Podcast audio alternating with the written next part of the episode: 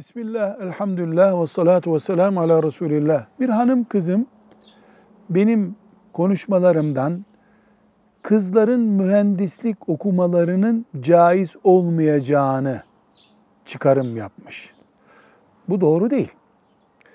Sonuç itibariyle mühendislik bir meslektir. O mesleğin icrasında kadın acısından bir sakınca yoksa elbette mühendislik bölümünde de okunabilir.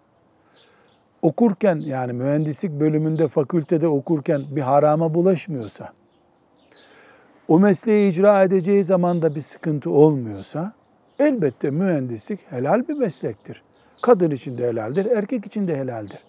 Ama ben bu hanım kızıma mesela inşaatlarda çalışırken bir inşaat mühendisi kadının ne kadar rahat edeceğini iyi düşünmesi lazım diye tavsiyede bulunurum.